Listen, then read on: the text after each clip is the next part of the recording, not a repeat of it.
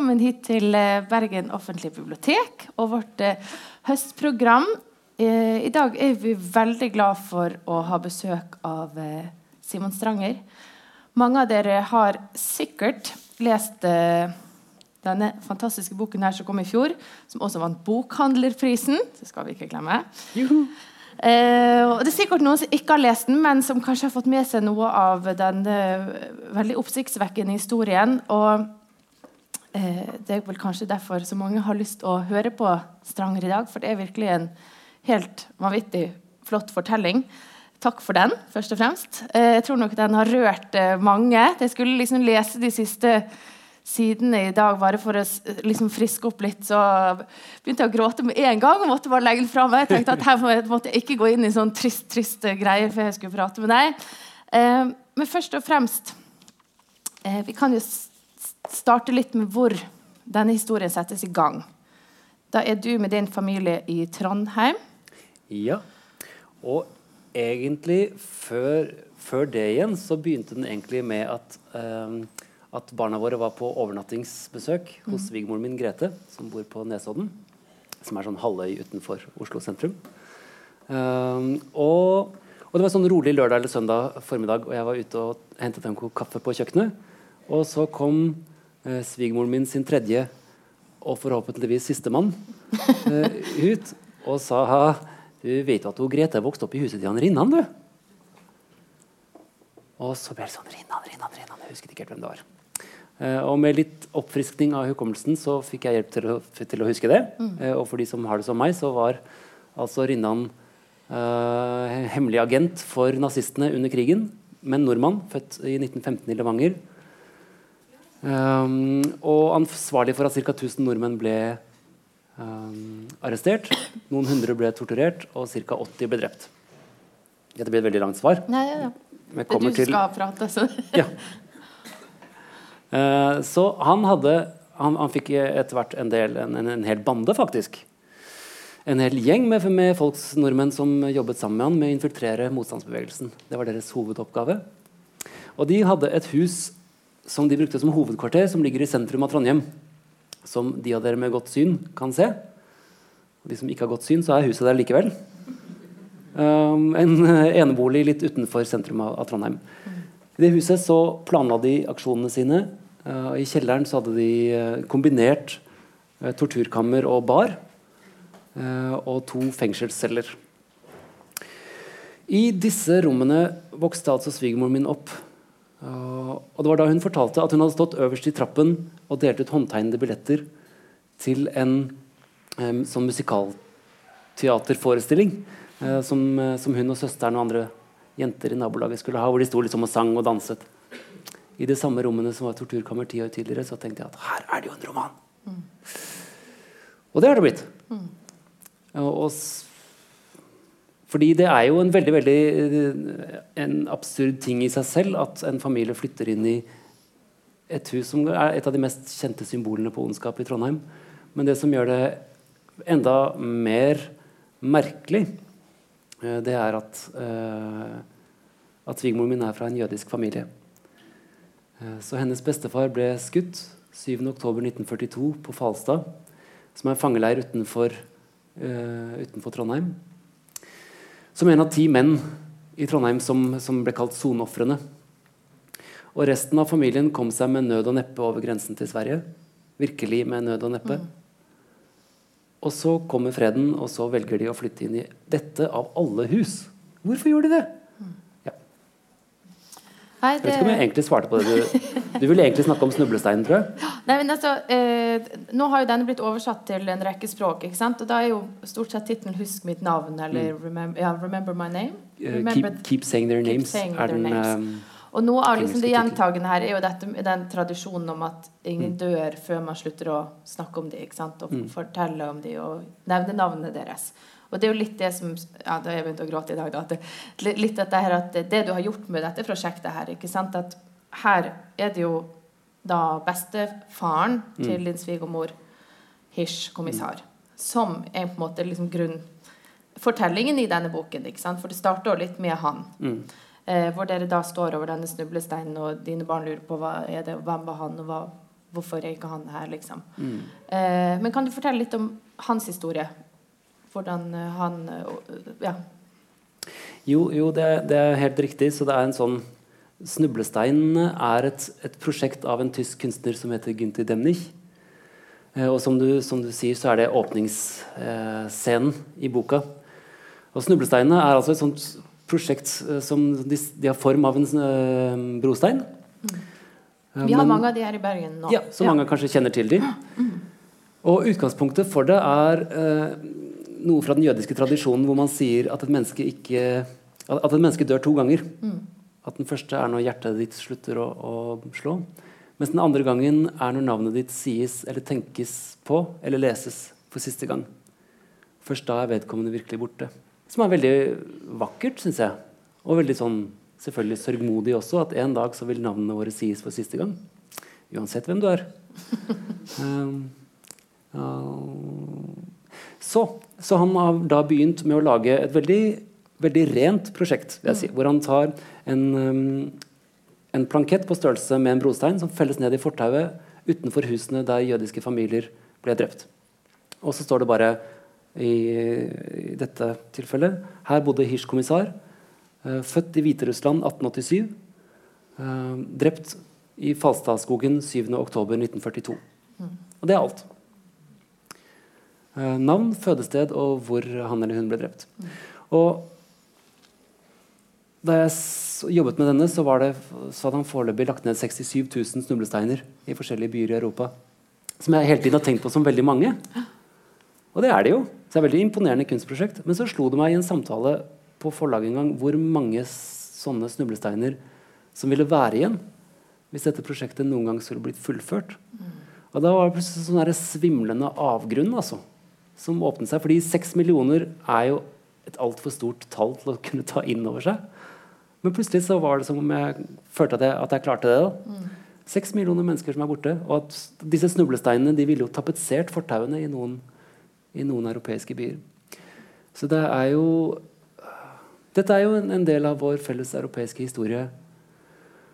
Og forhåpentligvis, eh, forhåpentligvis største, den største avgrunnen i vår eh, moderne historie i lang, lang tid, får vi håpe. Mm. Hirsch han blir jo da arrestert og sendt til Falstad leir. ikke sant? Hva slags leir var det? Det var en fangeleir, en sånn arbeidsleir, så det var ikke en sånn ren dødsleir. Um, han var vel der i mange måneder før han uh, Ja, ja så han ble, han ble arrestert i, um, i, januar 1942. Mm. Og det litt sånn tragikomiske her på en måte er at de, familien faktisk flyktet til Sverige med en gang krigen brøt ut. Um, så med en gang de tyske soldatene marsjerte i Trondheim, så bare fikk de kontakt med hverandre. Og så samlet seg i bilen, kjørte den til en togstasjon mm. og bare satte fra seg bilen. Og tok det siste vanlige toget som gikk over grensen eh, i april eh, 1940. Da. Men så, så, var de i en slags flyktningleir i Sverige en god stund. Og fikk etter hvert inntrykk av at ting hadde gått tilbake til det vanlige i Trondheim. Og at hvis man ikke stakk, stakk seg fram, så kunne man liksom leve der som vanlig. Da. Og så så det er klart, I Trondheim så hadde de jo livene sine. Der hadde de en klesbutikk som het Paris Wien, som lå i Nordre gate. Eh, og så hadde de jo en leilighet, og barna studerte jo. Og der hadde de venner. De hadde kort sagt hele mm. livet sitt. Mm. Så de valgte å dra tilbake igjen, og så gikk det et, et halvt års tid, og så ble han arrestert. Eh, anklaget for å ha spredt nyheter fra BBC som han ikke ville hatt kjennskap til uten å ha tilgang på en radio. Som selvfølgelig var strengt forbudt. Så det er en av spenningstrådene i denne boka er hvem er det som har lyttet til denne samtalen og angitt dem. Mm. Um, som, som, jeg forsøker å sannsynliggjøre, og som det er ganske, ganske sannsynlig at det er innan. Mm. Så, så, denne boka er på en måte som en slags snublestein. At jeg har forsøkt å gjøre det med å utsette denne døden. Mm. Uh, og hele romanen er også som et langt brev til Hirsch kommissar i du-form. Hvor man mm. følger han liksom hverdagslivet Eh, hei. Velkommen til en trist ettermiddag på hovedbiblioteket. Hva er det vi har gjort? Hvorfor dro vi ikke på det London-foredraget i stedet? Ja, vi har gått litt dysterhet. Det trenger vi. Ja. Eh, men eh, som du sier, du, altså, denne her er jo da en uh, parallell fortelling, ettersom du følger da tre parallelle historier. Og til Hirsch så skriver du i du-form, noe mm. som er litt uh, sånn sjelden og veldig sånn blir veldig direkte, da. Og mm. kanskje da nettopp derfor oppleves det ekstra sterkt. Eh, men eh, nå som du var inne på Rinnan han på en måte er jo Det var liksom noen som sa var det som sa sånn, har lest Rinnan-biografien. så var Det sånn, det er vel ikke akkurat en Rinnan-biografi. Men det er jo sikkert mange som Kanskje fordi at man ikke har vært så opptatt av Rinnan de siste årene. ikke sant? At mm. det er litt sånn, Han begynner å bli en litt glemt figur hos oss. Mm. Men det er jo virkelig en, det er jo en Rinnan-biografi i denne boken her. ikke sant? For du går jo virkelig gjennom hele fortellingen hans. Og eh, denne ja, Det er slemt å si, da, men altså denne bitte lille mannen som eh, ender opp med å bli en uh, veldig mektfull, maktfull på en veldig forferdelig måte. Mm. Uh, når var det du skjønte at han måtte inn i denne fortellingen? Ja, det, det, var egentlig hele Med en gang. Mm. Med en gang. Så jeg tror grunnen til at, at jeg ble så tiltrukket av, av dette mentale bildet av svigermoren min som står som, som jentunge i den trappa, uh, det er at jeg, at jeg på en måte tenker at det sammenfatter hele krigen. Da, mm. På en måte, dette huset. Um, så min svigermor da som, som, både som barndommen og, den, og holocaust og, og de, de, de, jødiske nordmennene. Uh, og så nazismen og ondskapen um, som Rinnan da blir symbolet for. Mm. Og så møtes de i det samme huset innenfor veldig kort tidsspenn. da. Kommissarfamilien, som de heter min kones familie. De flyttet inn i 48. Så det blir jo bare et par år etterpå. Um, og jeg var på besøk der hos han som bor der nå. Og fikk byttet, byttet til meg en kule som han hadde funnet i veggen. Og Rinnanmannen har også drevet og skutt helt vilt rundt. Så han fikk en roman, og så fikk jeg en kule som jeg har på skrivebordet hjemme. Så, så det, det, det, kjente jeg veldig raskt at han måtte inn. Og Rinnan fyller jo veldig stor del av denne boka. Eh, og fyller mange av, av spørsmålene også. som, som egentlig handler om ondskap. Da. Mm. Eh, For Rinnan-historien er jo veldig eh, Ja, det er jo et godt eksempel på denne sinte unge mannen. ikke mm. sant? Uh, og Kan du fortelle litt om hans utvikling? Hva, hvorfor blir Rinnan Rinnan? Det er det jeg forsøker å, å finne ut av, egentlig. Um, og det er, liksom, det er, fristende det er veldig fristende å demonisere mm. en mann som Rinnan og tenke at, at, han er noe grunnleggende annet enn noen av oss. Uh, sånn som det også kan være fristende å, å gjøre med, med, terroristen etter 22.07. Mm. Men jeg tenker For meg så er det viktig å tenke at ingen mennesker er født som monstre. Uh, men at dette er egenskaper som ligger latent i oss. Uh, og, at Rinnan er et eksempel på hvordan personlige tilbøyeligheter og historiske muligheter treffes på den verst tenkelige måte. Så det som skjer, er at man, man følger han Og der har jeg prøvd å være veldig, veldig sånn øh, historisk riktig. Mm. Så alle scenene hvor Rinnan er med, øh, er basert på, på, historiske dokumenter eller mm. biografier. Helt ned til åpningsscenen.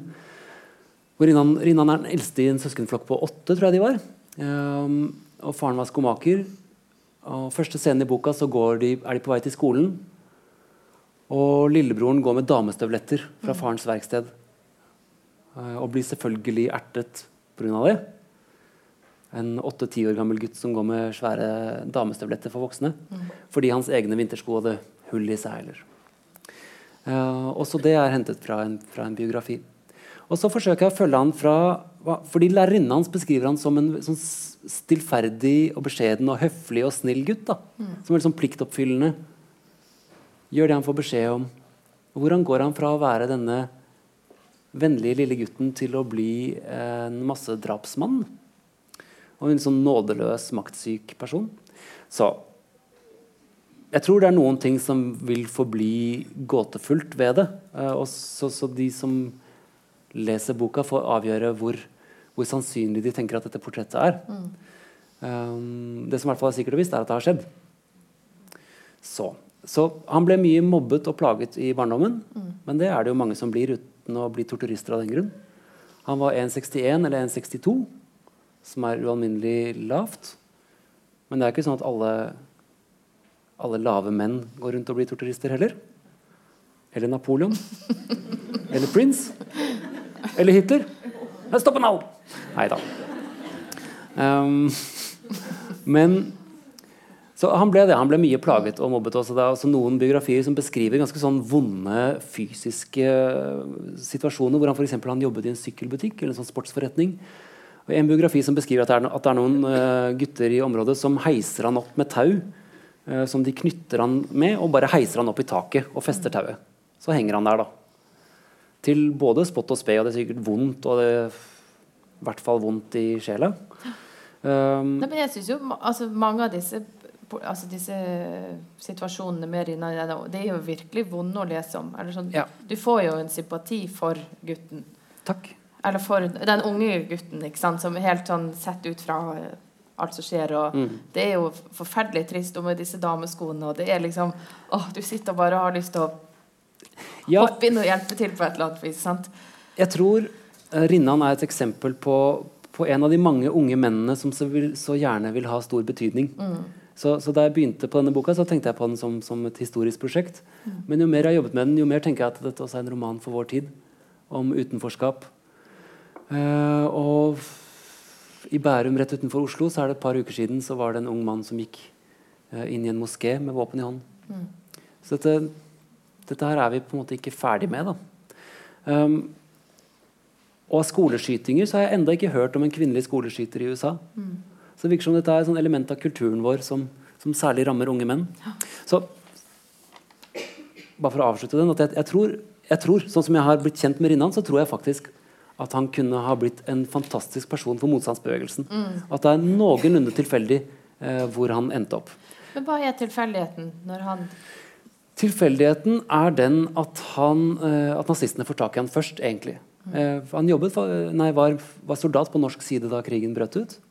Eh, og var med å kjempe på norsk side i et par uker før han og, og medsoldatene ble tatt til fange. Og var i en fangeleir på Snåsa i, i to uker ja, før de ble sluppet fri. Tror jeg Rinnan beskriver sånn, I rettssaken så beskriver han sånn veldig dramatisk frukt, flukt. At de slår ned en vakt og stikker av gårde med en lastebil. og sånn. Det tror jeg bare er skrønerier. Mm. Uh, jeg tror de blir bare sånn Ja, nå har vi ikke bruk for dere mer. Vær så god, porten er åpen. Gå. Så lite dramatisk fra det egentlig var.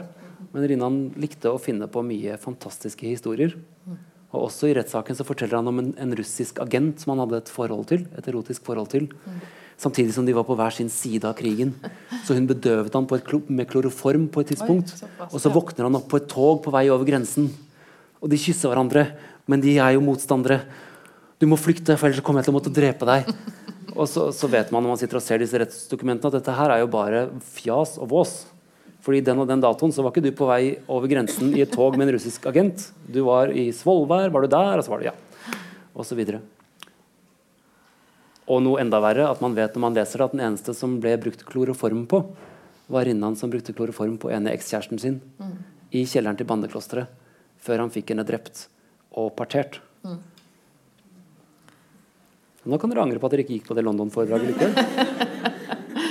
Nei, men altså for eh, men Tilsynelatende så virker det jo som det skal gå ganske greit for Rinnan. Han uh, sliter liksom mye med damer og er liksom alltid den som aldri er med. ikke sant? Men mm. til slutt så møter han jo en jente, og han gifter seg, og han mm. har en uh, helt ok jobb.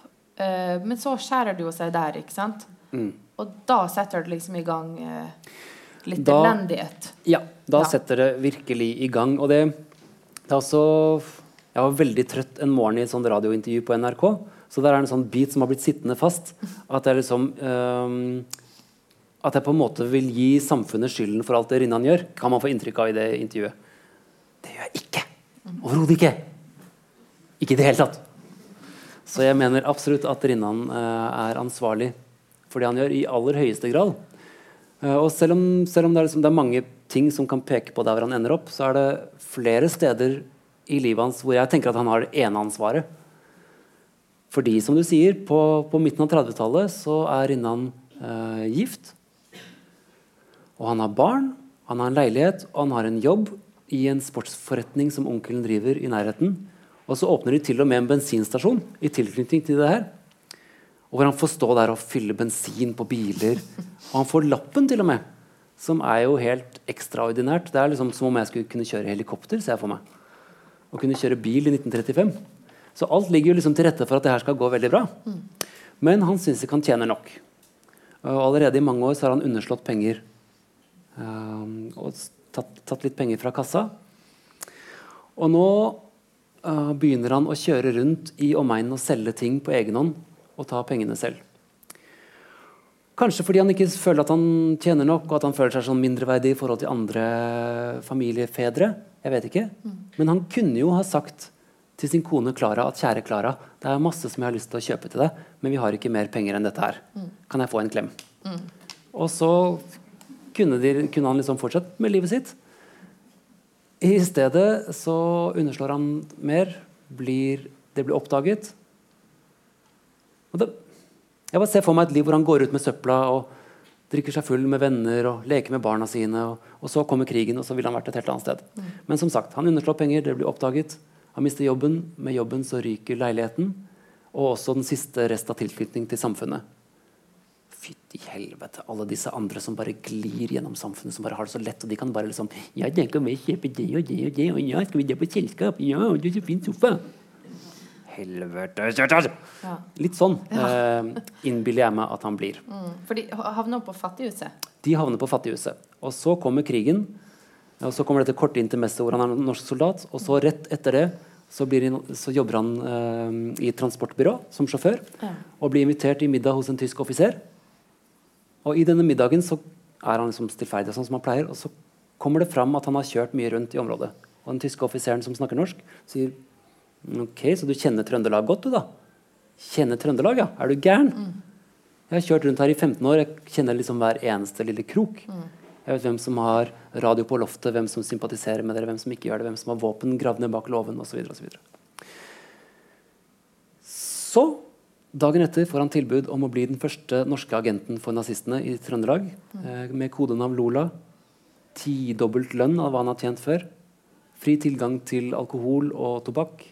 Uh, ny enebolig i sentrum og osv. Og, og han bestemmer seg for at han skal bli den flinkeste hemmelige agenten som de noen gang har sett. Og det lykkes han med. Mm.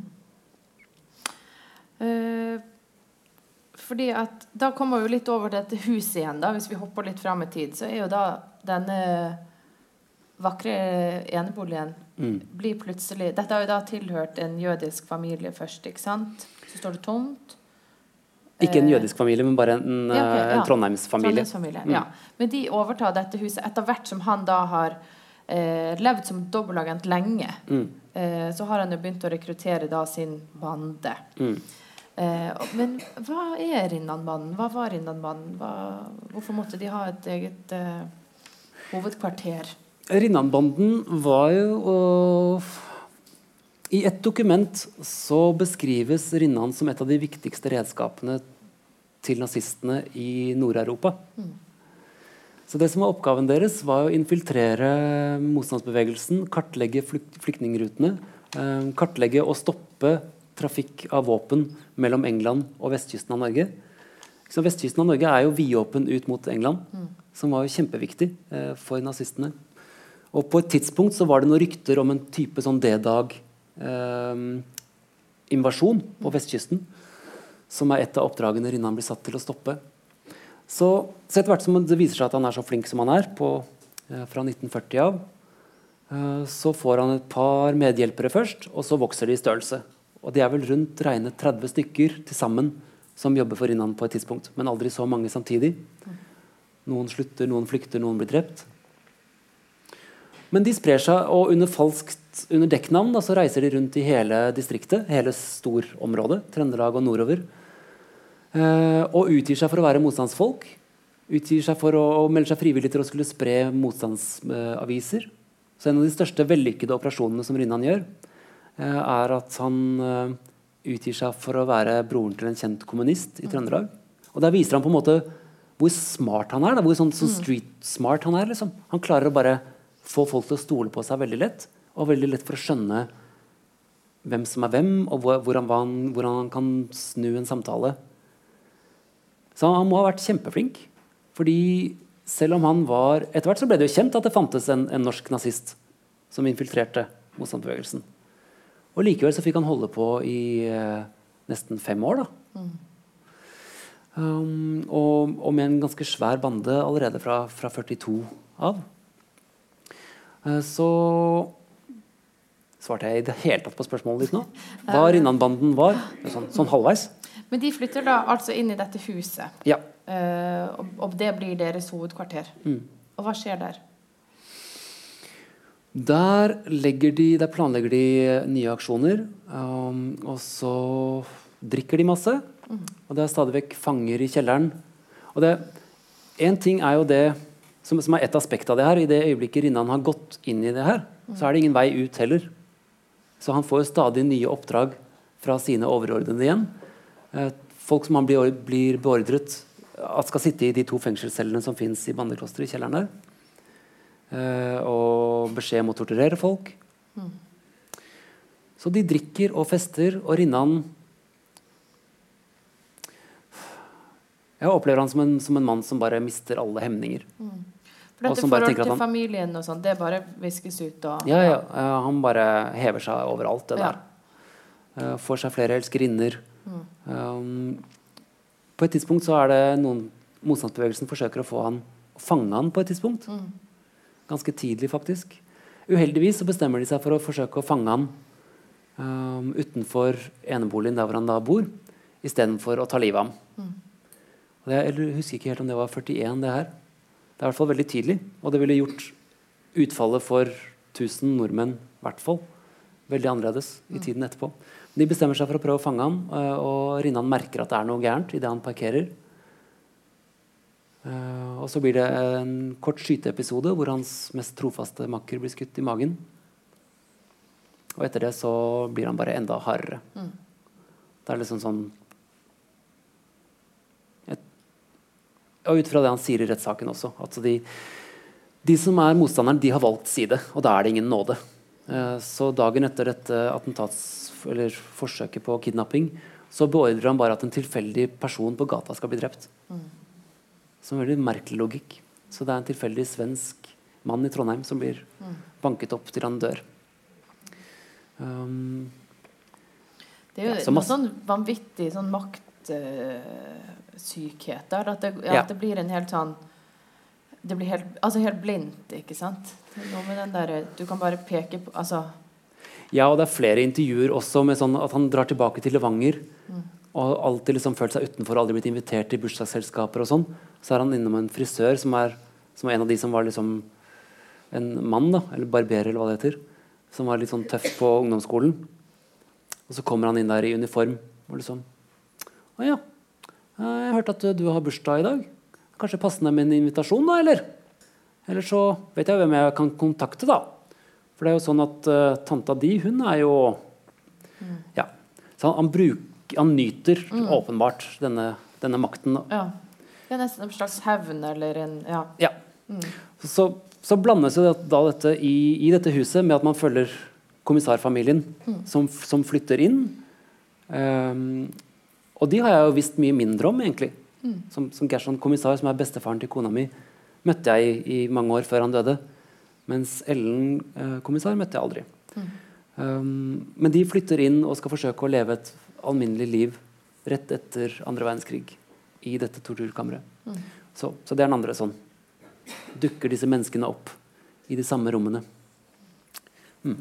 Eh, for de har jo da vært i Oslo. Ja under krigen. Mm. Og kommer da tilbake til Trondheim med et sånt nytt ønske om at man skal bygge seg opp og får dette da veldig vakre, store huset ikke sant? som mm. eh, man egentlig tenker at for en drøm å flytte inn der for en småbarnsfamilie. Men eh, dette huset tar jo etter hvert og bare liksom kryper inn i sinnet deres på et eller annet vis. Særlig er det vel hun Ellen mm. som sliter veldig med disse historiene som sitter i veggene?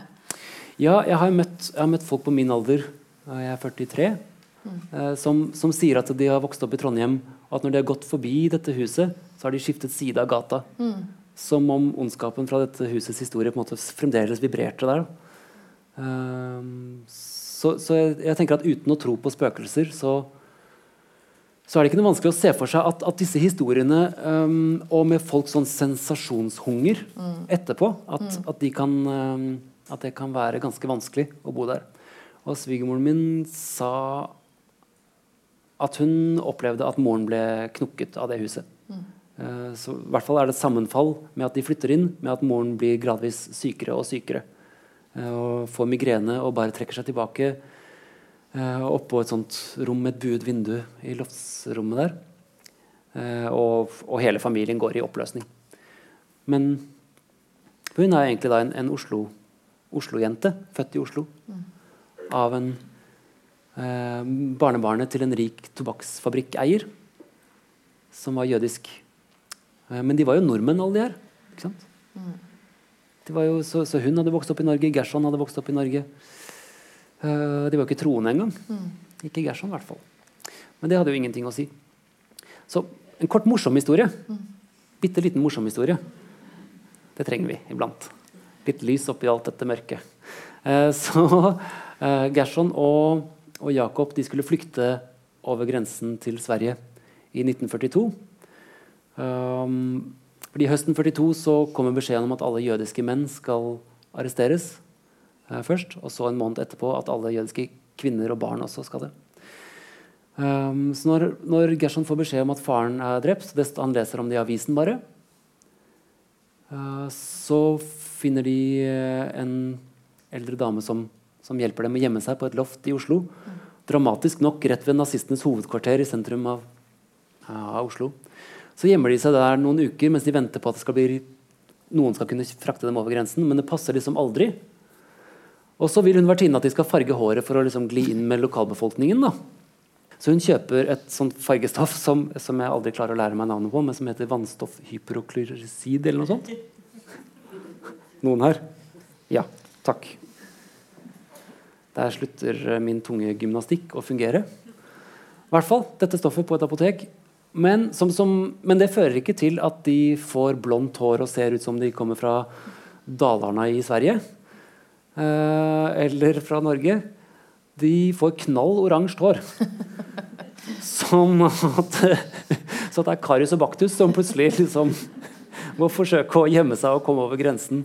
Dramatisk nok på samme morgen som skipet Donau eh, går fra kai. Eh, så tar de tog først. Kommer seg et stykke mot Sverige. Blir kjørt med en lastebil som også blir stoppet av tyske soldater. men kommer seg over grensen til Sverige. Og der møter han Ellen. eh, Ellen Glott. Så det er en Oslo-familie og en Trondheimsfamilie som antagelig aldri ville møttes hvis det ikke hadde vært for krigen. Så på en måte sånn takket være nazistene, så fins kona mi. Men det er en litt, litt vel stor, høy pris, da. Kan man si. Men man kan i hvert fall noe godt komme ut av det. Eh, ja, og så, og så lever de der til, til krigen er over. Eh, dette huset i dag, da. De flytta ut fra dette huset. Mm. Eh, men det fungerer som et vanlig hus i dag? Det fungerer som en vanlig enebolig i dag. Ja. Og det er jo et spesielt sted sånn ja, Jeg avtalte jo med han som bor der nå, da, som er professor på, på NTNU. Uh, som også var pussig nok første eieren var også professor på NTNU. Mm. hvert fall, Han bor der alene og har gjort det i 20 år. Mm. jeg merket når jeg gikk ned trappen foran ham, at det ble sånn derre Ok, passe på å holde litt avstand her. Ikke noe sånn hammer eller øks eller noe. Men han er tydeligvis veldig lite overtroisk, da. Ja.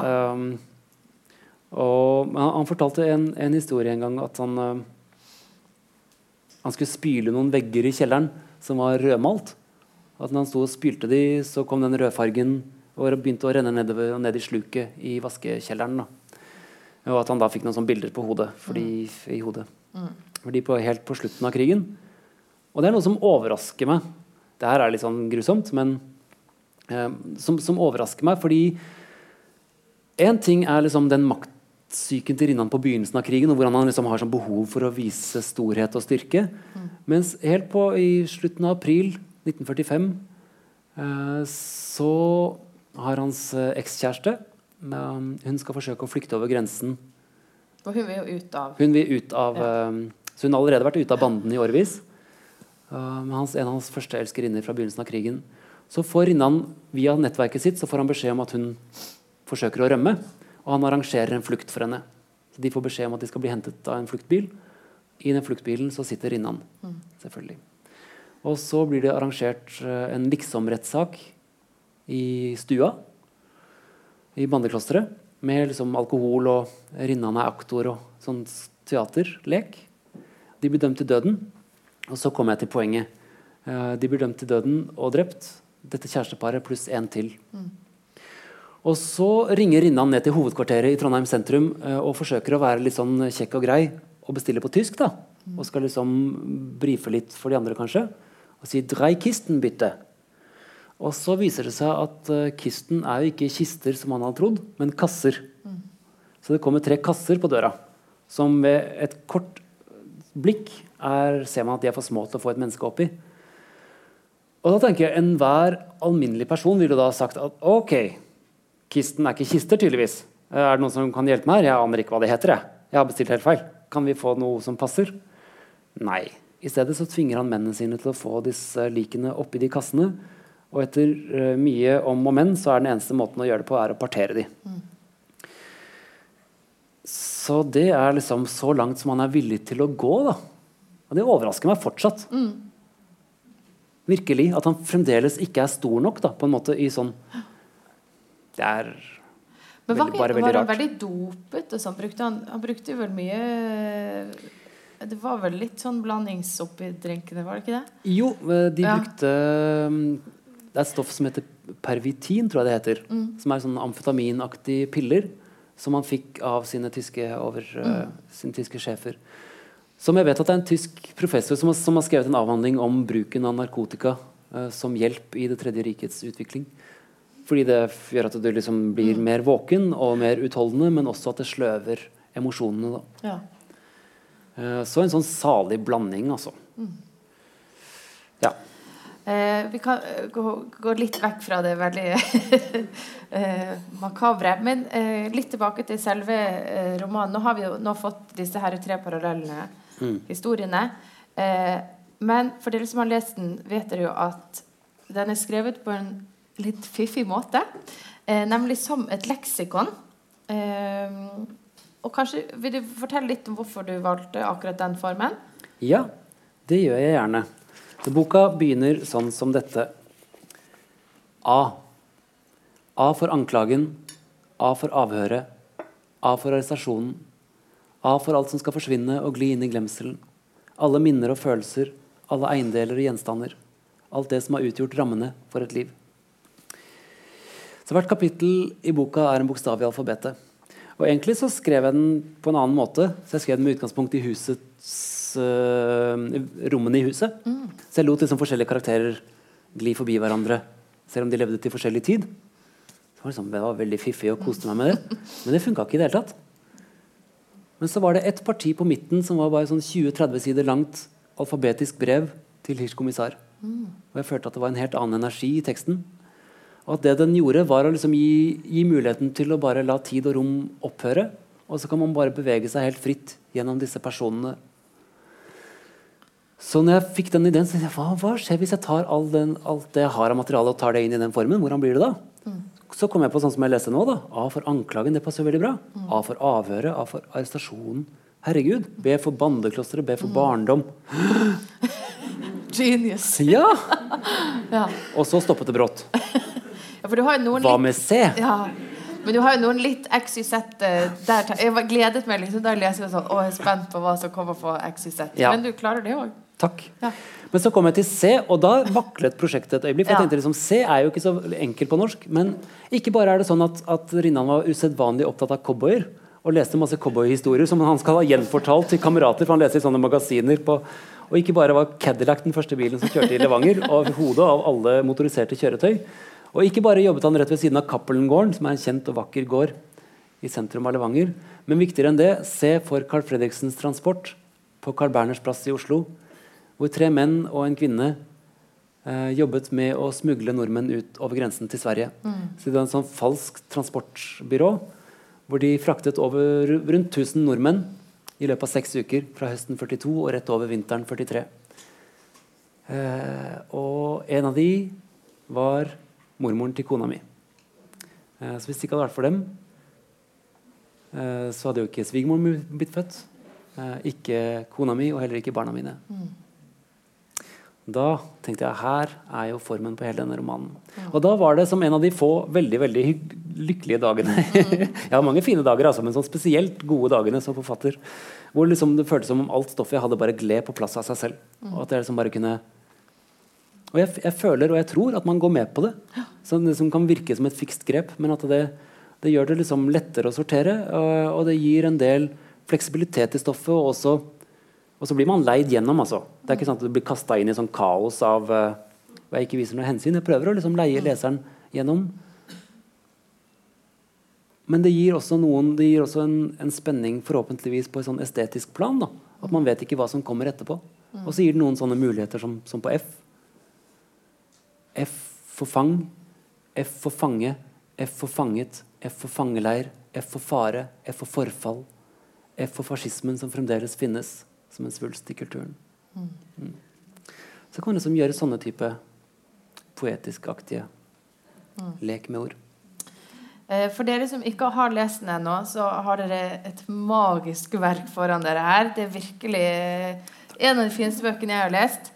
Eh, Det er sikkert noen som kanskje har et lite spørsmål på lur, og det er sikkert noen som også kanskje vil ha et signert eksemplar. Men først så tenkte jeg kanskje at du skulle få lov til å lese litt. Grann. Gjerne. Siden jeg bare jukseleste nå.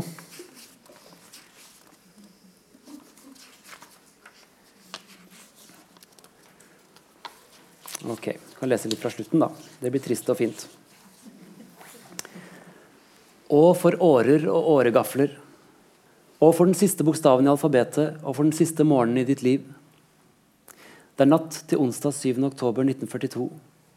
Det er tidlig om morgenen, og du ligger i cellen på Falstad, åpner øynene og innser at du likevel må ha duppet av til slutt. For nå har himmelen lysnet utenfor. Noen av de andre mennene har klatret ned fra sengene sine, og du hører en av dem mumle noe om en unntakstilstand. Du reiser deg fra sengen, og de to mennene lager en åpning som gjør at du kan slippe til. Så strekker du fram hånden og hilser på dem. Så blar vi litt.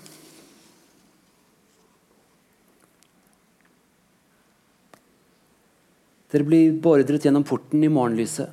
Ut på grusveien. Ti menn. På rekke og rad går dere med hendene foldet bak hodet. Kanskje vurderer du et øyeblikk å stikke av og tar sjansen på å løpe vekk fra veien og inn mellom grantrærne. Men det er for mange soldater med våpen rundt dere. Antagelig må du ha skjønt hva som ventet. For det fins ingen grunn til at dere skal gå ut i skogen nå. Ikke uten sag eller spade. Så blir dere beordret inn mellom trestammene. En soldat dytter i dem med geværløpet. Tenker du på Gerson og Jakob? På Lillemor? Eller Marie? Ser du for deg ansiktet hennes slik hun kunne smile mot deg over frokostbordet om morgenen? Det damper av pusten til soldatene og glitrer i dråper av dugg i gresset og i fuktige flekker på de mørke stammene. Du blir ført fram til et åpent hull, forbind for øynene mens dommen leses opp. Og så Så må alt ha kommet samtidig.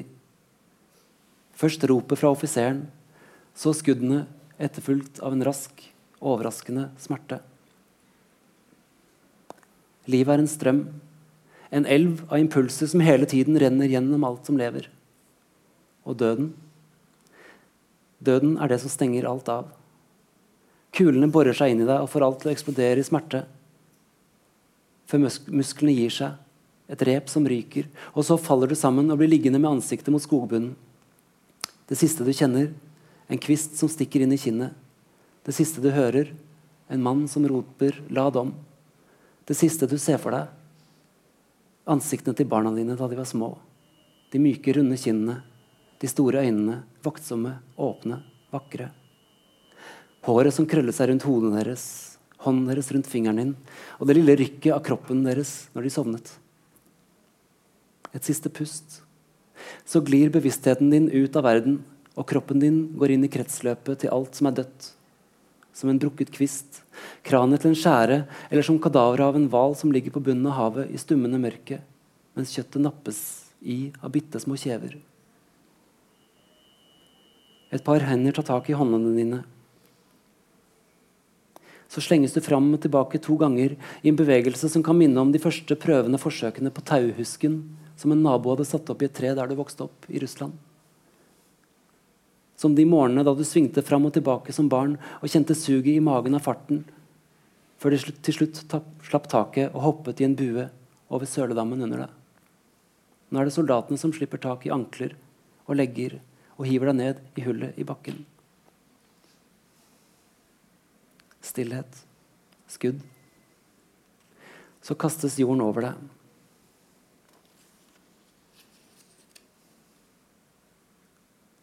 Det blir stille lenge. Jorden fryser til og tiner, fryser til og tiner opp igjen. Jeg tror jeg skal hoppe helt til, aller, helt til slutt. Um, han ble merkelig nok gravd opp igjen tre år uh, etterpå, rett før krigen var over, og dumpet i Trondheimsfjorden et sted.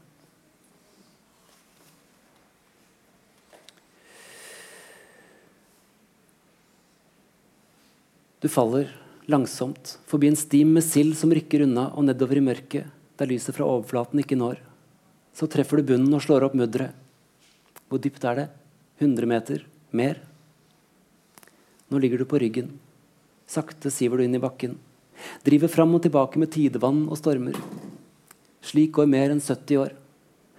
Antagelig fins det fremdeles rester av skjelettet ditt et sted, spredt utover bunnen og begravet i det kjølige mørket der nede striper i bunnslammet av kroppen din som har blitt dratt bortover med strømmen, slik navnet ditt er risset inn i metall på en snublestein utenfor leiligheten der du en gang bodde, der jeg en gang bøyde meg ned sammen med Grete, Steinar, Rikke, Lukas og Olivia.